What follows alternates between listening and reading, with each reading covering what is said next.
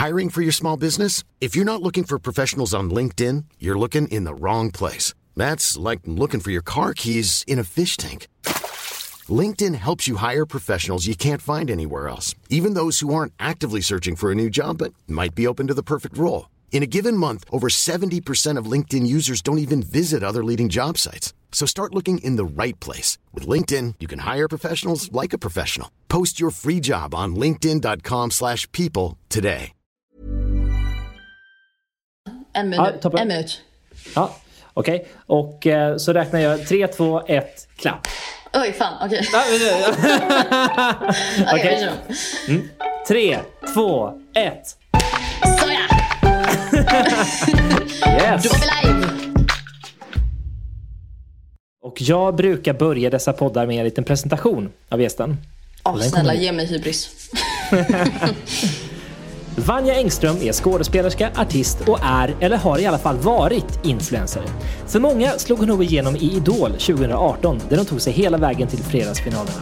Men hon har skådespelat sedan längre tillbaka än så och idag förstår jag det som att hon satsar helhjärtat just på skådespeleriet. Men hon har också synts regelbundet på sociala medier där hon bland annat har 146 000 följare på TikTok, 16 000 följare på Instagram och cirka 50 000 följare på Youtube. Nu är hon här i podden fast i verkligheten befinner hon sig i Prag.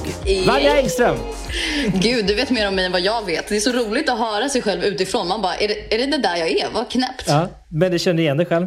Eh, I allt förutom artist. Jag kan säga att eh, Idol var bara ett PR-trick för att få följare till Youtube. Var det så? Ja, jag har aldrig velat bli artist. Jag har velat bli musikalartist. Eh, där, där är jag fortfarande placerad. Det skulle vara jättekul att göra musikal igen.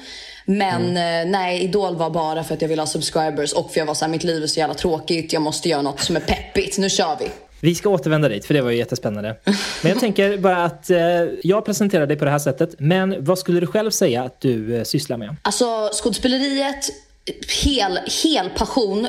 Eh, verkligen. Så jag var nio år har jag hållit på med det. Och det är, liksom, det är där jag alltid kommer befinna mig. Sen skulle jag säga att sociala medier är ett jättebra forum för mig att få uttrycka mig när jag inte har något projekt på gång eller bara för att få lite härlig validering. Nej men jag tycker det alltså jag älskar att underhålla människor och jag tycker, alltså det bästa som finns är att få människor skratta. Jag har alltid varit klassens clown eller liksom den som gör dum skit för att få människor att garva. Eh, I kompisgrupper eller så. Så det, det är ett sätt för mig att få må bra egentligen. Och sen att man kan tjäna lite pengar på det nu känns jättekul. Roligt. Men du går en, en utbildning, en skådespelarutbildning i Prag.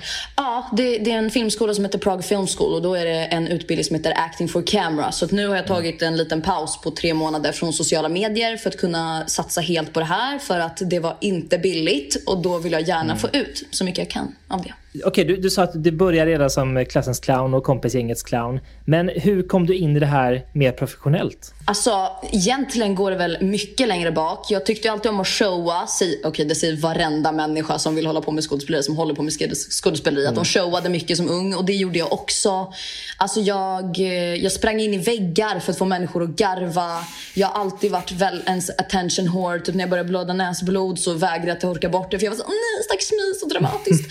och Eh, jag, jag har alltid liksom tyckt om att spela karaktärer och gå in i i roller. Och eh, när jag var nio, så, min pappa är regissör, eh, så när jag var nio så fick jag vara med i en film som han gjorde som heter Vares för att han gjorde en film i Finland. Och då fick jag spela en tjej som hittade ett lik i skogen och jag var helt såld efter det. Jag bara det här, det här ska jag göra. Jag kände mig så jävla professionell. Jag, var så, alltså jag, jag, bara, jag bara kände så här, det här är min plats. Och eh, efter det så började jag söka roller i Sverige på egen hand. Och sen dess har jag bara hållit på med det och brunnit för det. Egentligen. Och jag tror att många inte vet det, att skådespeleri är min kärna egentligen. Och sen sociala medier är ett, ett, ett sido, en sidogrej. Men eh, kan du inte utveckla det? Du började eh, att prata om det, att det, var bara ett PR-trick. Ja, Eller hela... vänta, så här, vi backar förresten. För att du hade en YouTube-kanal redan innan du sökte Idol. Precis. Och då var jag så här... Alltså när jag var 12 så kollade jag och min kompis på Miss Lisibell. Och all kärlek till henne, men jag och min kompis vi var små haters. Vi var såhär, vi kan göra det här mycket bättre, lalalala. Alltså det hade vi absolut inte kunnat. Hon var så cool och modig. Jag vill bara shout-outa Miss Lisibell. Eh, Så att sen jag var 12 hade jag velat ha en YouTube-kanal och sen när jag var 17 så var jag såhär, men nu ska jag bara dra en William Spets och starta YouTube. Och sen så ska jag komma in i skådespelarbranschen på det sättet, precis som han har gjort. Var det din första satsning på sociala medier då? En YouTube-kanal? Ja, precis. Och jag var så här, fan vad trögt det går. Jag har 200 subscribers, jag har hållit på ett halvår. Nu måste vi chatta lite. Vad ska vi göra? Eh, och jag hade hittat musiken ett år innan. För att jag gick, alltså man, man går ju musik i, i högstadiet, att man tar sig musikklasser. Och då placerade min musiklärare mig eh, vid micken. Och sen så började jag sjunga och jag var så här, gud vad kul det här var. Jag var typ den, en av få i klassen som verkligen tyckte det här var roligt. Och eh, så började jag sjunga och så, så bara, men jag har ändå en helt okej sångröst. Jag är inte bra, men, men det här kan vara ett bra five minutes of fame. Och eh, då på min audition gick ju jag all in och flippat totalt. Eh, jag kan, alltså de har ju klippt det. Det var ju inte exakt sådär. Men jag var, jag var väldigt överhypad den dagen. Väldigt nervös. Och väldigt, nu har jag mina five minutes of fame. Nu kör vi. Jag ska ha så mycket subscribers till min kanal. Alla ska se mig. Alla ska tycka att jag är rolig. Och sen så gick det som det gick. ja, men hur gick det då? Eller det gick ju, I programmet vet vi ju ungefär hur det gick. Mm. Men eh, eh, hur gick det med dina sociala medier då? Efter, till följd av Idol? Jag tror jag, jag tror jag landade på 20 000 subscribers efter Idol. Eller 10 kanske. 10 eller 20. Och eh, sen så bara fortsatte jag göra YouTube varje vecka. Ladda upp. Ja, jag tog ett sabbatsår efter Idol. Okej. Ja, för jag kom inte med i skolmusikalen. Och jag var så här, de här orrarna, jag ska inte gå i den här skolan. Och nu, nu tar jag en paus, jag kommer inte vara här. Fuck dem. Alltså jag var så kränkt för att jag inte kom med. Eh, och sen så tog jag ett sabbatsår och sen nästa år så sökte jag skolmusikalen igen. För det var vårt gymnasiearbete, vi som gick estet. Jag gick teater. Okej. Ja. Så treorna hade någon slags avslutningsgrej eh, då? Ja, det var hela gymnasiearbete för vi som gick estet. Om man kom in i musikalen. Ah, ja. Men jag kom inte med Okej. och då sökte jag nästa år. För att om jag inte kom in i musikalen så hade jag behövt göra ett riktigt gymnasiearbete och, och gjort research. Jag bara, jag kan, in, jag kan inget. Jag, jag kan bara det här. Jag kommer göra det. Okej. Så då gjorde jag YouTube det året. Men sen när jag gick gymnasiet, då var det också för mycket för att lägga ut mycket liksom. Men du hade ändå ett år där du kunde köra fokuserat på YouTube då? Ja, men då mådde man ju skit istället så det gick ju inte att köra heltid då. Nej. Jag blev hippie så att det var, jag hade en liten sån episod. ja, just det. Jag, jag gjorde ju lite snabb research och jag läste någonting om att du hade flummat och pratat med träd och Ja, du läste Hämtartikeln eller? Nej, det var verkligen så. Alltså, jag satt i skogen med mina hippievänner runt någon eld och så här, offrade grejer och sjöng mantran och eh, hade freedance barfota. Alltså det var toppen. Jag mådde jättebra med dem. Ja, riktigt, riktigt flum. Det är de här... eh, Det finns ju en viral video när det är några som springer in i ett energifält och så är det någon kille som står och bara “Where the fuck were you guys?” Det var, det var de jag hängde med. ja, kul. Ja, jag älskar dem. De är så bra. Och sen kom du tillbaka till skolan och fick en roll i musikalen. Ja, det fick jag. Och då fick jag spela kille. Vilken, vilken musikal? Rock of Ages. Och jag sjöng ju rock i Idol så jag var så glad att det var den musikalen. Och då blev det värt för mig att ta ett sabbatsår. Okej, men, men så Idol gav dig ändå då en startboost på dina, din, dina sociala medier. Verkligen. Och vad hände, vad hände sen då? Sen kom gymnasiet igen och du, fick, du hade inte lika mycket tid att lägga på det. Och hur gick det då? Eh, nej, men det gick lika bra skulle jag säga. Alltså, jag, jag la fortfarande la ut en eller två videos i veckan. Eh, jag fick bara balansera det. Alltså, jag har aldrig varit en pluggare så jag tror jag prioriterade sociala medier framför plugget. Alltså, kollar man på mina slutbetyg då är det så här, jag har A i alla estetiska ämnen och sen har jag D eller C i alla teoretiska ämnen som inte är estetiska. Okej, så du, ja, du offrade lite då för att kunna satsa på det roliga? Ja, och det är inte så, alltså jag, jag, jag har aldrig planerat att göra något akademiskt ändå. Så jag är så här, äh, gymnasiet, vem behöver det? Inte jag. När började du med TikTok? Alltså jag, jag la ut min första video 2019 tror jag. Och sen, men jag la bara ut kanske, kanske max 20 videos innan jag började köra heltid. Så att av de 20 videosarna så tror jag jag fick typ 70 000 följare. Men det var ju bara från Idol och jag la ut vissa videos som typ ansågs vara lite provocerande. Och det här var också på tiden när TikTok-näthat var ganska stort.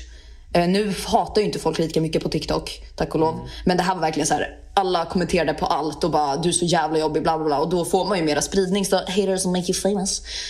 Um, men ja, sen egentligen förra sommaren 2023, nej 2022. Då började jag göra det helhjärtat. Uh, sen så höll jag på med det i typ fem månader och det var väl där som jag blev liksom större. Men vad gjorde du då? Komedi, karaktärer enbart. Var det någon, eh, något enskilt klipp som liksom sprang iväg som gjorde att du märkte att det här kan, det här kan bli stort? Nej, jag skulle säga att det har varit ganska jämnt för mig. Alltså det har stegrat eh, stegvis, mm. så att säga.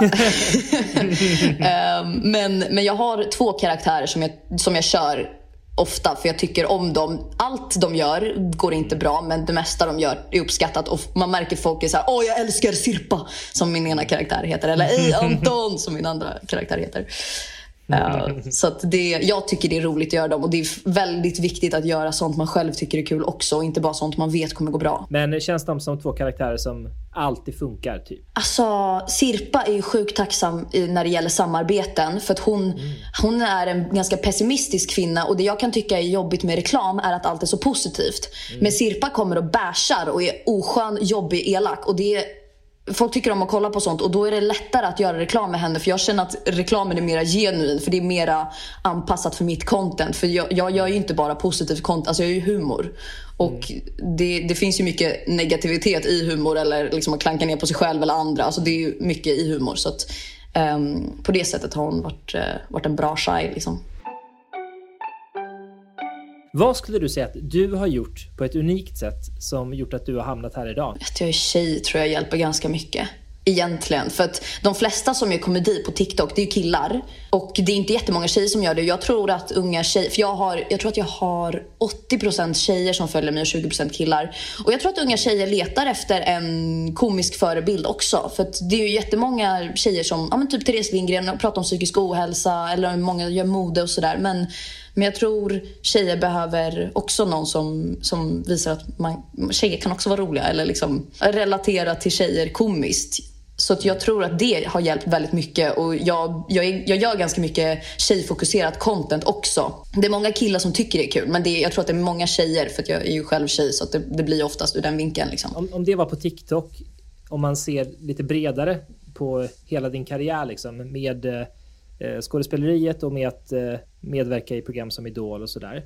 Vad tror du har gjort att du har stuckit fram och kommit ut där? Att jag inte har kompromissat med mig själv, helt ärligt. För att hela min grej under Idol till exempel, det var ju, jag fick ju jättemycket hat. Delvis för min personlighet och för allt. Alltså väldigt stor del av det var för att jag hade lila läppstift. Vilket, alltså idag tror jag ingen bryr sig. Men på den tiden så var inte alltså, girlbass-eran så stor. Och att tjejer ska ha självförtroende och hela den biten.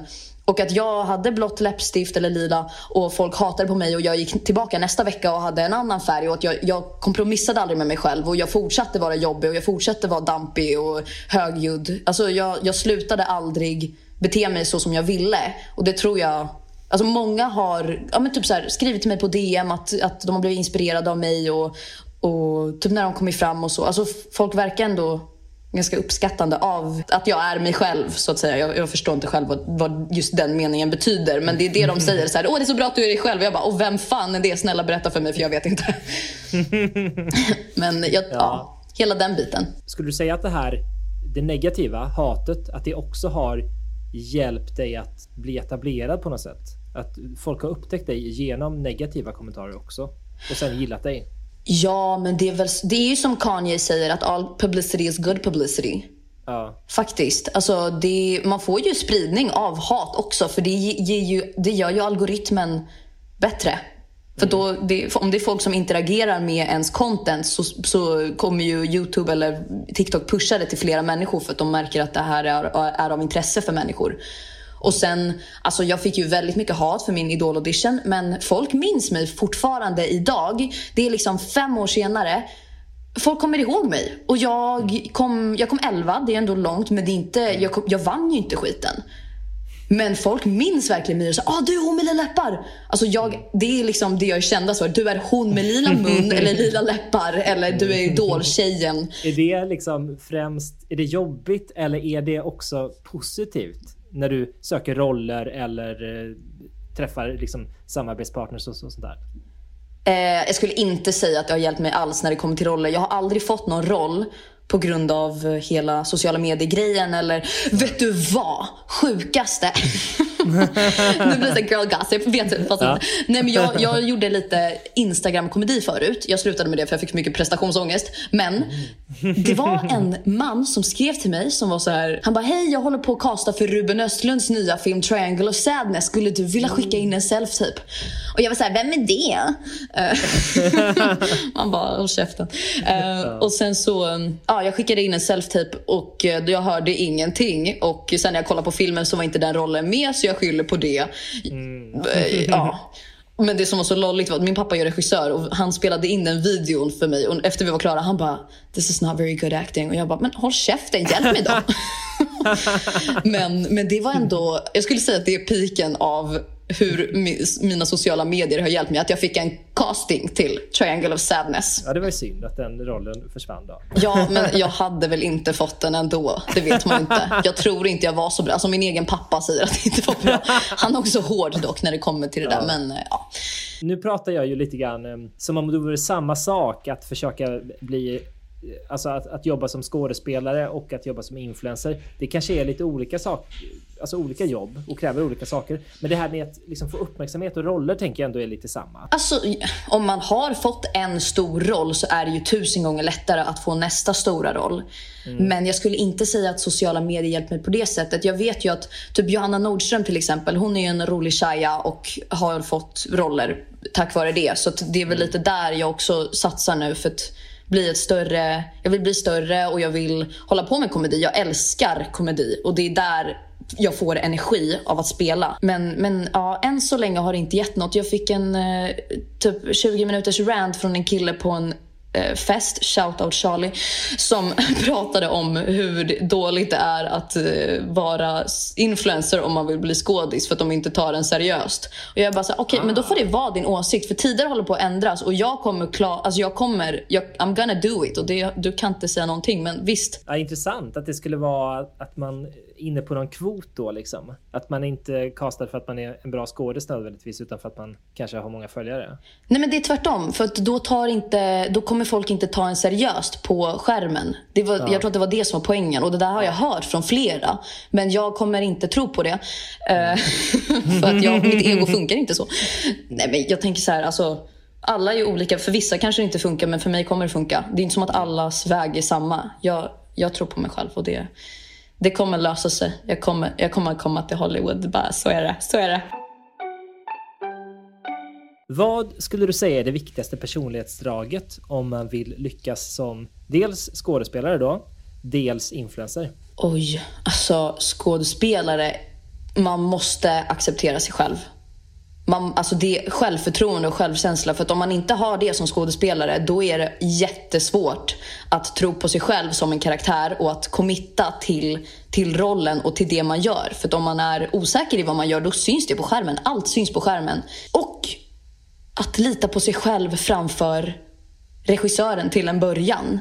För att jag har blivit regisserad jättemånga gånger innan jag har fått göra min version. Och när jag lyssnar på regissören blir det alltid skit. Och när, sen när jag frågar om jag får göra min version, då är de alltid så här: wow, wow okej, okay, keep doing this, keep doing this, det här var jättebra. Så, så att... Eh, man ska alltid lita på sig själv först och sen om det inte funkar då självklart ska man ju lyssna på regissören för det är ju regissören som har helhetsvisionen för filmen. Och sen när det kommer till influencer så är det mm. väl samma sak men också nisch och Ja, men också det här med att inte kompromissa med sig själv. Oavsett vad man har för personlighet. Alltså är du dampig, var dampig. Är du gullig, var gullig. Det är som, alltså Therese Lindgren som jag nämnde tidigare, jag är besatt av henne, jag vet inte. Men hon är ju hon är väldigt söt, hon är glad och gullig och hon håller, med, håller på det och det funkar jättebra. Men om jag skulle försöka vara det, då hade det varit så genomskinligt och ingen hade brytt sig. Alltså man märker om någon är genuin. Så att, att vara genuin, det tror jag håller jättemycket. Är du, är du kaxig, ja men var kaxig. Faktiskt. Hur blir man så bekväm med sig själv? Ja, men speciellt om man ska skådespela, då, då, då, tänker väl många att man ska låtsas vara någon annan. Och på sociala medier så imiterar man ju andra på olika sätt. Man får bara ha hybris. Alltså man får bara tänka att det man, det man vet och det man tror är the shit. Jag har bara börjat tro att, eller så här, när det kommer till mitt skådespeleri så utgår jag mycket ifrån mig själv. Hur hade jag sagt det här? Hur hade jag gjort det här? För det är då man färgar en karaktär. Om man, spel, alltså om man spelar en karaktär som det är skrivet så blir det extremt platt. Men om man lägger på sina egna beteenden eller kollar på hur någon annan beter sig och färgar det, då, då blir det trovärdigt. Och man måste bara lita på att eh, de här små nyanserna är det som gör det intressant. Mm. Alltså det, jag, jag, vet vad, jag vet inte. Jag har jobbat på mig själv sedan jag var 12. Jag skojar inte. Alltså jag började skriva listor när jag var 12 och så vad är bra med mig? Vad är, mm. vad är jag rolig? Vilka personlighetsdrag? Bla bla. Och så har jag bara alltså verkligen försökt jobba på att gilla mig själv sedan jag var 12. För jag har verkligen grundhatat mig själv. Och det är inte hållbart. Och det finns ingen poäng med att göra det heller. För man vinner inget på det även om det är den enklare vägen. Men när man väl älskar sig själv, då är det den roligare vägen. Oh, det var bra. bra sagt. Att vara hippie, alltså helt ärligt, det har gjort så mycket för mig. För att då har man bara fått leva ut alla, alltså ingen dömer dig. Jag har varit på en festival som heter Ängsbacka. Och eh, det, jag tror att det finns någon dokumentär på SVT och de gör det ett narrativ att de driver om de här hippisarna. Men det är, det, alltså det är så fritt där, man får göra exakt vad man vill så länge man är schysst och bara bete sig hur man vill. Och det är open stage, man får gå upp och sjunga, dansa, flamsa.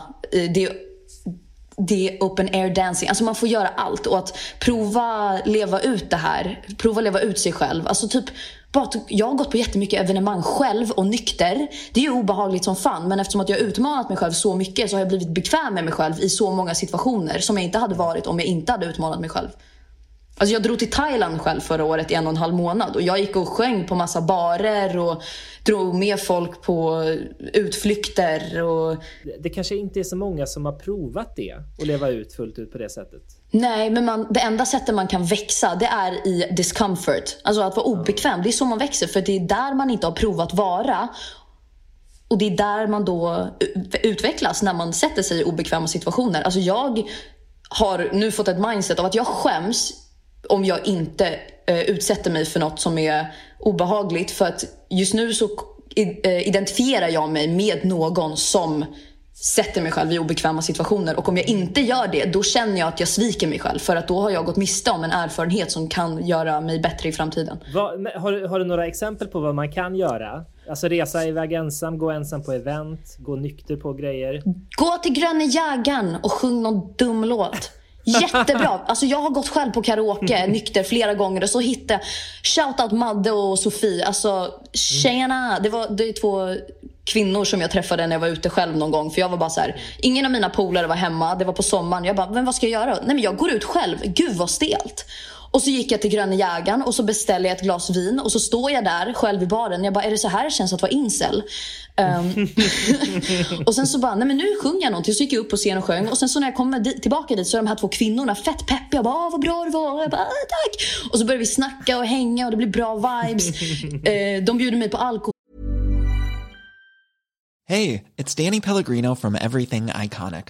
Ready to upgrade your style game without blowing your budget? Check out Quince. They've got all the good stuff, shirts and polos, activewear and fine leather goods all at 50 to 80% less than other high-end brands. And the best part? They're all about safe, ethical, and responsible manufacturing. Get that luxury vibe without the luxury price tag. Hit up quince.com slash upgrade for free shipping and 365-day returns on your next order. That's quince.com slash upgrade. Hiring for your small business? If you're not looking for professionals on LinkedIn, you're looking in the wrong place. That's like looking for your car keys in a fish tank. LinkedIn helps you hire professionals you can't find anywhere else, even those who aren't actively searching for a new job but might be open to the perfect role. In a given month, over 70% of LinkedIn users don't even visit other leading job sites. So start looking in the right place. With LinkedIn, you can hire professionals like a professional. Post your free job on linkedin.com slash people today. Jag drar vidare till någon annan bar. Jag kommer in där, Kvarnen för att vara specifik. Och så kommer jag in och, och bartendern är så här, hej, hur många är ni? Jag bara, äh, jag väntar på några. Jag var själv. Och så gick jag och så var han så här, ah, du kan ju sätta dig med de där tjejerna. Och jag bara, men jag tror jag sätter mig med de där killarna istället. Och sen så gick jag fram och bara, hej jag väntar på min kompis, får jag sitta med er under tiden? Alltså jag ljög ju bara för folk blir så obekväma om man går ut själv. För det är helt annan kultur i Sverige än vad det. Men då är jobbigt om man kommer fram och säga så, hej jag är här själv för jag sitter här. Ja men då är man ju en störd jävel. Ja, och, ja och det är ju självklart att man är det i Sverige men är du i Thailand och gör det då är folk säger ja men kom och sätt dig. Alltså, vad fan. Eh, så jag ljög bara och sen så hängde vi in ett, någon timme och sen så gick jag vidare och så gick jag bara runt och minglade på stan. Alltså så här, var bara dum i huvudet och gör vad du vill. Ta, drick lite alkohol om det krävs. Det gjorde jag den kvällen och jag hade the time. Jag hade the time. Usch vad kul det var. Hur ofta lägger du ut innehåll i vanliga fall? Eh, ja, det var varje dag. Kanske, kanske ibland fem gånger i veckan, men oftast sex till sju gånger i veckan. Och då kanske jag tog ledigt någon dag i helgen. Mm. Men det är också för att, alltså, för mig, jag vet att det inte är så för alla, men för mig var det så himla lätt jobb. Jag jobbade tre timmar om dagen aktivt. Att jag filmade, svarade på mail, redigerade och la upp. Det tog mig tre timmar. Sen är det ju ett heltidsjobb mentalt med att man hela tiden letar content, skriver sketchidéer och så. Men det var så himla eh, lätt på det sättet. Så då hade jag ju möjlighet att lägga ut varje dag. La du ut samma slags innehåll på, på Instagram, TikTok, Youtube eller var det bara TikTok som gällde då? Eh, ja, men Youtube slutade med för två år sedan tror jag. Och sen så lägger jag inte... Jag, tänk, jag tror jag ska börja lägga ut humorsketcher på Instagram. Och det är helt ärligt endast motiverat av att Ruben Östlunds castingassistent eh, hörde av sig till mig. Och jag var så här, men if this is the way then take me on the ride. Alltså jag vill bara att det ska hända igen. så, mm, så samma innehåll på Instagram också delvis då? Ja, fast grejen jag tror jag kommer göra det lite, alltså det jag gör ju vissa skri- äh, sketcher som är såhär pick me tjejen eller mm. typ den där kompisen som. Och jag tror att det är lite mer riktat till ungdomar för att det, de vet de termerna. Jag tror inte äldre personer kan de termerna på samma sätt. Mm. Uh, och det är ju oftast lite äldre målgrupper på Instagram nu för tiden. Mm. Det är därför äldre personer slår bättre på Instagram också än TikTok. Man kan ju slå båda såklart. Men, mm. men jag tror att jag kommer sålla de sketcherna som är lite mer mogna eh, kommer jag lägga ut på både Instagram och TikTok. Nej men det låter ju klokt. Men YouTube då? YouTube är nog dött för alltid. Det var för mycket jobb. Berätta. alltså grejen är att man, man filmar ju en timme och det är ju inte så farligt. Men sen så redigerar man ju en video åtta timmar. Sen om man heter Bea Reiman som är en fellow influencer, då redigerar man typ 1800 timmar. Alltså den tjejen jobbar så mycket och hon har, hon har så bra content. Och eh, hon lägger ju verkligen tid. Jag gjorde ju rough cuts och sen la på text och ljud och så. Det tog så mycket tid och eftersom att jag inte vill hålla på med sociala medier enbart så kan inte jag ha Youtube som ett heltidsjobb. För nu vill jag, när jag kommer hem till Sverige igen efter mina studier så kommer jag fortsätta jobba med sociala medier och eh, skriva manus vid sidan av. För att jag tycker att jag är så himla kul och jag tror jag hade kunnat göra det bra. Så jag kommer liksom ha sociala medier som inkomst och sen karriärsfokuserat är att skriva manus samtidigt som jag försöker söka så mycket roller jag kan. Bra plan. Mm, tack så mycket. då när du jobbar heltid med sociala medier, då kan du försörja dig på det helt och hållet eller? Ja, det kan jag. Det, alltså, speciellt senaste halvåret, när jag höll på med Youtube, då var det väl en ganska låg inkomst för att det var inte lika mycket videos och jag vill, inte, jag vill inte bombardera mina följare med samarbeten. Även om jag tycker om produkterna så vet jag att det är inte så uppskattat när en influencer lägger ut för mycket samarbeten. Jag vet att följare kan tycka det är gött med rabattkod ibland och så om det är någon sjukt bra produkt men, men jag vill inte göra för mycket samarbeten. Men på TikTok, eftersom att jag pumpar ut så mycket content så har jag möjlighet att göra flera samarbeten och eftersom att det är en så himla kreativ app så kan man göra ganska roliga samarbeten också. Men på Youtube kändes det bara som att jag visade produkter och det är inte mm. jag. För då var det så här, åh nu har jag det här samarbetet med det här och de har jättefina sådana här grejer och de använder jag och bla bla. Och nu tillbaka till videon. Men på TikTok då måste jag veva in allting på ett trovärdigt sätt. Plus det är ett sketchmaterial och det var egentligen det jag ville göra när jag började med Youtube. Jag ville göra sketcher men Youtube är inte formaterat för sketcher. För att man vill ju ha lite längre innehåll. Men på TikTok mm. funkar ju en minut sketcher och då, får jag ju, då kan jag göra det. det passar mig mycket bättre som kreatör egentligen. På tal om det då, har du provat uh, Youtube Shorts nu för tiden? Alltså, nej jag har inte provat det men jag är med i ett uh, management som heter We Are Era och de mm. tipsade mig om att jag skulle börja med det. Så det mm. kanske blir en grej nu när jag börjar på heltid igen i juni. Mm. Har du provat det? Jag har provat det och uh, folk pratar om det länge som att det här är det senaste. Det här ska du göra. Jag gjorde det då. Jag fick så här, 200 visningar på klipp. Som på TikTok kan få flera hundratusen. Liksom. Mm. Men eh, nu för tiden funkar det. Nu kan man få jättemycket visningar där. Och man kan också få lite, lite pengar på shorts. Men gud, vad, är det samma pris som för YouTube-videos? Att det är, vad är det, tusen per hundratusen? det är mycket sämre. Ja, för det är kortare. Just det. Mm. Men eh, det är ju ganska, ganska lätt. De flesta dubbelpublicerar ju sina TikToks eh, på YouTube Shorts. Mm. Men, men det går ganska bra för många och man får lite, lite pengar. Så det kan ju vara någonting att, att köra sen då. Det är ju inte svårt att publicera heller. Om man redan har TikToken, då är det ju lika bra att bara Gör TikToken i CapCut, det programmet jag klipper i, så får jag inte, behöver jag inte ha den här TikTok-loggan. Det är bara lägg, trippelpublicerar jag. Det är ju jättebra. Ah, du kan, kan man ladda ner en, en TikTok och öppna i CapCut och få bort loggan? Nej, jag, alltså, det jag gör är att jag redigerar allt i CapCut. För det är ju samma låtar som på TikTok Ah, ja. och samma funktioner. Så att jag gör allt där så har jag möjlighet till att lägga ut på Instagram också om jag skulle vilja det. Hack. Hack! Lyssna alla. Har du några fler hacks för att eh, få ut innehåll nästan varje dag? Det här låter ju influensigt, men träna varje morgon. Nej, inte varje morgon, men försök få in någon typ av fysisk aktivitet. Om det är någon som jobbar heltid med sociala medier, då rekommenderar jag att röra på sig på morgonen. För då känns det som att man redan har gjort något produktivt. Och det behöver inte vara att man går till gymmet. Man kan bara ta en halvtimmes promenad. För då är det så här, man har fått se världen, man, kanske, man har fått lite mera intryck än sina fyra väggar. Och um, man känner sig duktig och då är det bara lika så här, men nu är jag på hugget, nu kör jag vidare. Mycket, jag skriver oftast manus för mina idéer på natten. För att alltså, de flesta kreativa människor är oftast nattugglor. Det är klart man kan vara båda två. Men eh, ja, för mig är det, jag får mycket bättre idéer på natten. Jag kan tänka mig att det är annorlunda för dig eftersom att du har en bebis. Ja, då går det inte. Nej, jag tänker mest på blöjor på natten. Ja, gud. Okej, men jättebra tips ju. Träna och eh, var nattuggla om du kan. Jag tror att de flesta är nattugglor ändå. Alltså, jag- det är sällan man hör någon som är morgonmänniska. Det är så här, eh, aktiehajar. Om du nu är uppe på natten och skriver sketcher, spelar in på dagen, klipper på dagen. Hur ser liksom balansen mellan fritid och jobb ut för dig? Alltså det är ju, man är ju bortskämd va?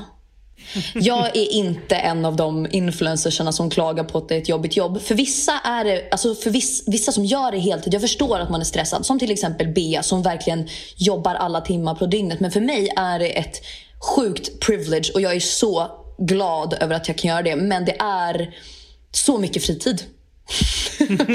och jag, det låter ju vidrigt att säga det och jag menar inte på det sättet men jag har jättemycket fritid. Eh, nu när jag har mina manusplaner så tror jag att jag kommer kunna balansera upp mitt liv mycket mer. Men jag blev ganska deppig av att, av att ha så lite att göra. Och det, det låter ju så vidrigt att säga att Åh, det var så, jag, jag blev så nedstämd, jag har för mycket fritid. Alltså, då, får, alltså, då får man bara hålla käften och, och, och hitta på någonting. Ja. Men, men alltså jag hade ju kunnat lägga mera tid på... Jag hade ju kunnat göra två TikToks om dagen. Men vill inte bli utbränd. Nej, men jag bara känner att det räcker med en. Eh, och... Eh, äh, jag, jag, jag får vara mer produktiv när jag kommer tillbaka till Sverige. För att jag kan inte hålla på sådär. Det var, det var ju bortskämt. Alltså, vad, vem tror jag att jag är? ja, men om det funkar, och det gjorde det ju uppenbarligen, då det är väl gött med fritid. Ja, men då måste man ju hitta någonting. Alltså folk jobbar ju. Folk har ju normala jobb där, är, där de är på jobbet. Och så sitter jag hemma och rullar tummarna med, alltså, fram till klockan fem. Och sen bara, hej vill du hänga? Ja. Och sen drar du till Gröna jägaren och hänger med Ja. tanter. Äh, tanter ska vi inte kalla dem. Två damer i sina bästa år. Hur mäter du om någonting går bra eller dåligt?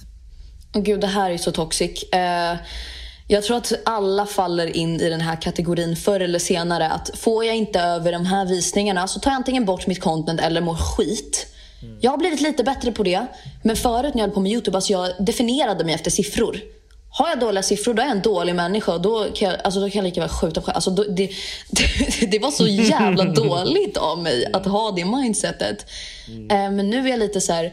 "Ah, ja, den här videon gick inte så bra. Jag trodde ju uppenbarligen på den här idén så att jag får respektera mig själv i det.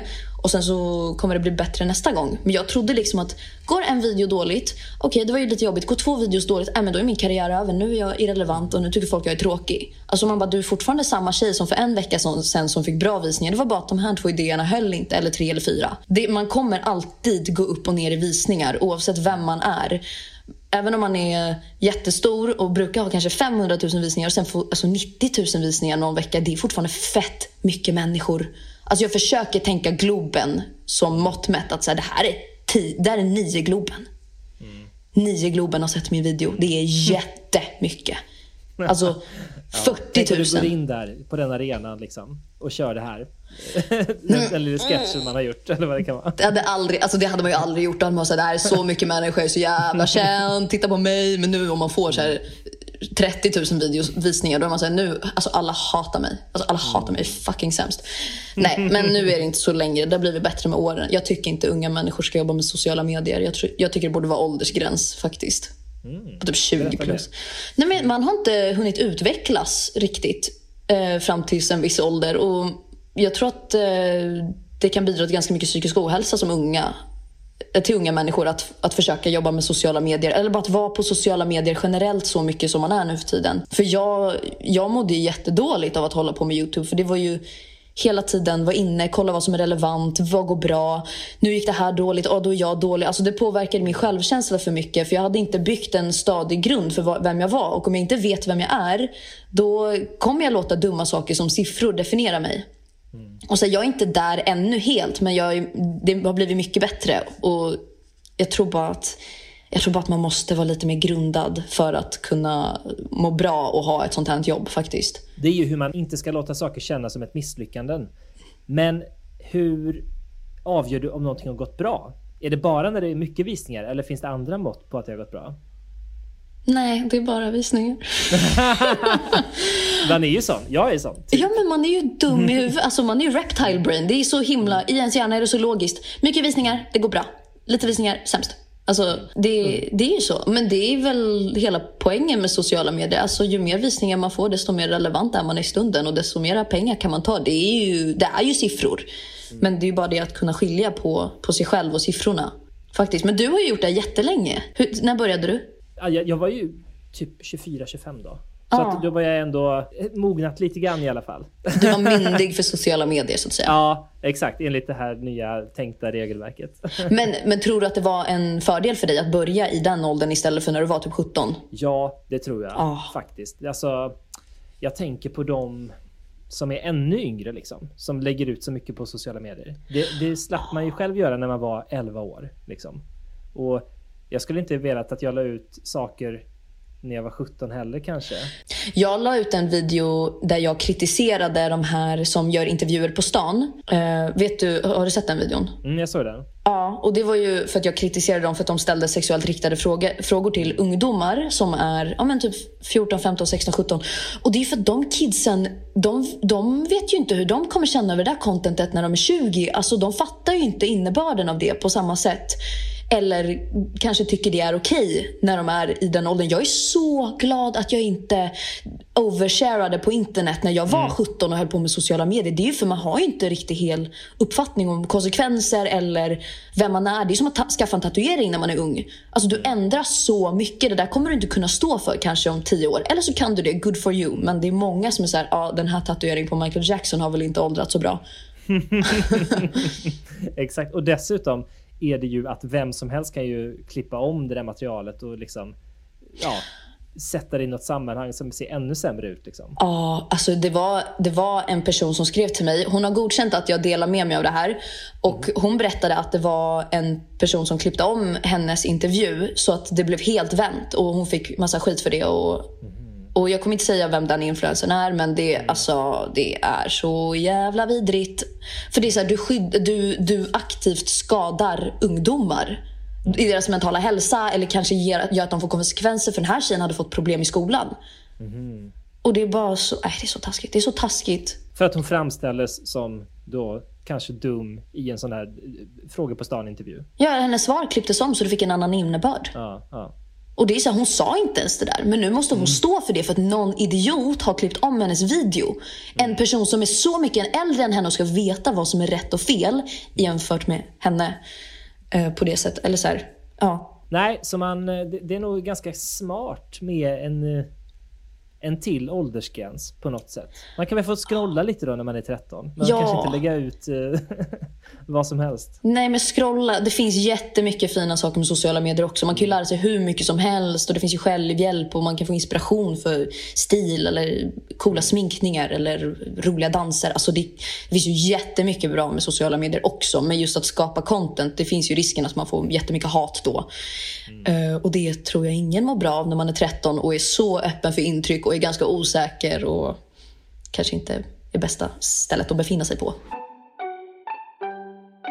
Varifrån får du inspiration? Mig själv och mina erfarenheter. Alltså faktiskt. Jag, jag, jag, eh, mycket av det jag gör, gör jag för mitt skådespeleri delvis. Och då kan jag överföra det på TikTok. Alltså jag, om jag ser en person som ser intressant ut så kan jag börja prata med den bara för att jag tänker det här kan jag ta till mitt skådespelarregister. Mm. Typ första dagen jag kom till Prag så såg jag två män, män sitta och sjunga, och dan, äh, sjunga på gatan. Och jag gick fram och bara Hi guys, can I sing with you? För jag ville bara veta vilka de var och vad den här erfarenheten kan ge.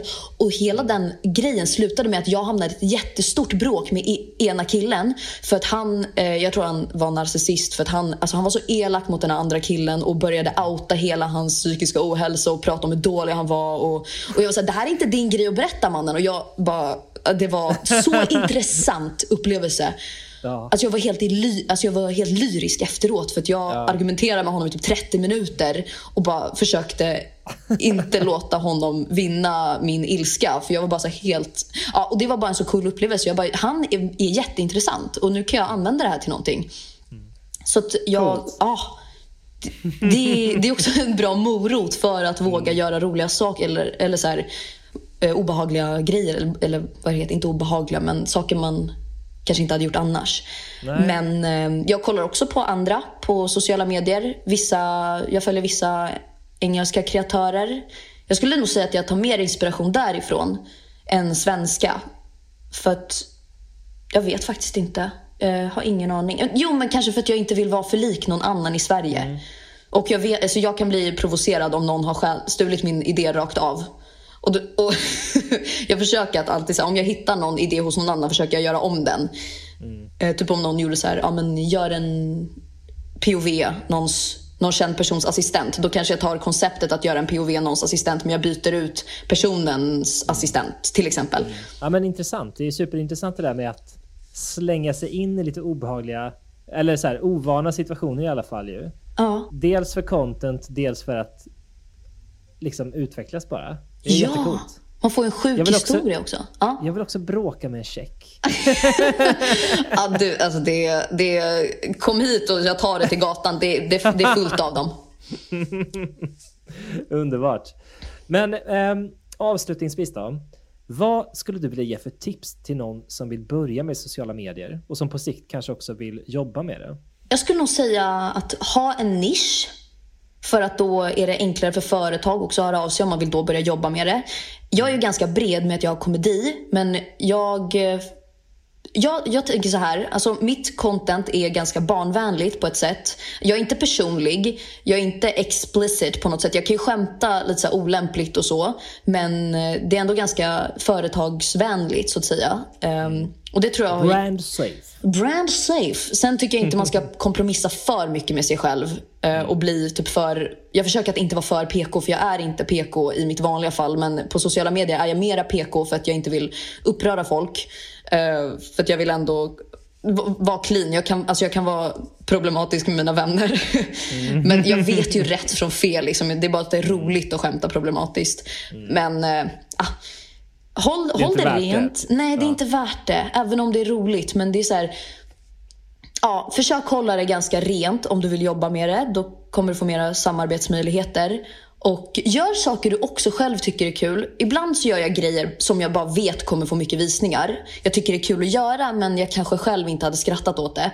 Och sen värvar jag det med grejer jag själv hade skrattat åt. Och det som är så roligt är att det är det som går sämst. Det jag själv tycker är så här, det här är hysteriskt roligt. um, och sen alltså kontinuitet. Håll, håll Bestäm när du ska publicera, vilka dagar och hur ofta och håll dig till det schemat. Allt kanske inte går jättebra men du kommer börja få dina stammisar som alltid går in och säger åh gud vad kul, ah, äntligen en ny video, alltså sådär. Uh, och det blir, det blir ju, det, det är de som um, som peppar och sen till slut börjar man ju se ett mönster. Ah, men den personen kommenterade igen och så blir, känner man att man får typ en liten relation på ett sätt. Att så här, åh, det här är min, det här är det här fanet som brukar kommentera det här, vad kul. Uh, och så kanske man likar dens kommentar lite extra eller kommenterar något, hej hej. Alltså, typ community. Mm. Uh, interagera i kommentarsfältet. Jag vet inte om det ger bättre algoritm. För jag tror att TikTok fattar att man Alltså, bara för att man har mer kommentarer så tror jag inte att man får bättre algoritm bara för att man själv är hälften av de kommentarerna. Nej, exakt. Nej, men det är mysigt. Det är mysigt att ha en liten konversation med folk. Mm. Eh, och bara, alltså, vara Ah, jag hatar att säga det, men var dig själv. Alltså det, du duger. Det är så här, du måste inte ha en jätteextraordinär personlighet för att kunna jobba med sociala medier. Det, det finns jättebeiga människor, eller så här, beige, vad ska man säga? Jättevanliga människor, alltså supersvenniga som, som får sitt content att funka bara för att de är ärliga med sig själva. Och de är sig själva. Alltså de kan ju vara så här, hej idag ska jag göra det här. Och folk älskar att kolla på det ändå, bara för att de är genuina. Så att var bara dig själv Oavsett hur tråkig du är. ja, jättebra. Supersnyggt ju. Tack. Jag tycker att du har svarat på alla frågor jag hade och väldigt bra. Var det någon fråga du trodde jag skulle ställa som inte kommit in på? Hur mycket jag tjänar på ett samarbete? Nej, jag skojar. Nej, det var, du gjorde ett jättebra jobb, hörru du. Men du, underbart. Jättetack att du tog dig tid och eh, svarade på alla dessa frågor. Ja, men tack för att jag fick vara med. Det var jätteroligt. Mm. Jo, sista sak. Kör. Vart hittar lyssnarna dig? På Vad TikTok, på? då söker man på Vanja Engström och sen på Instagram söker man Vanja Engström understreck och sen YouTube kan man skita i för där kommer jag inte lägga ut något. Supertydligt. Yes! Underbart! Stort tack igen. Tack själv Emil. Hej då! Hej då!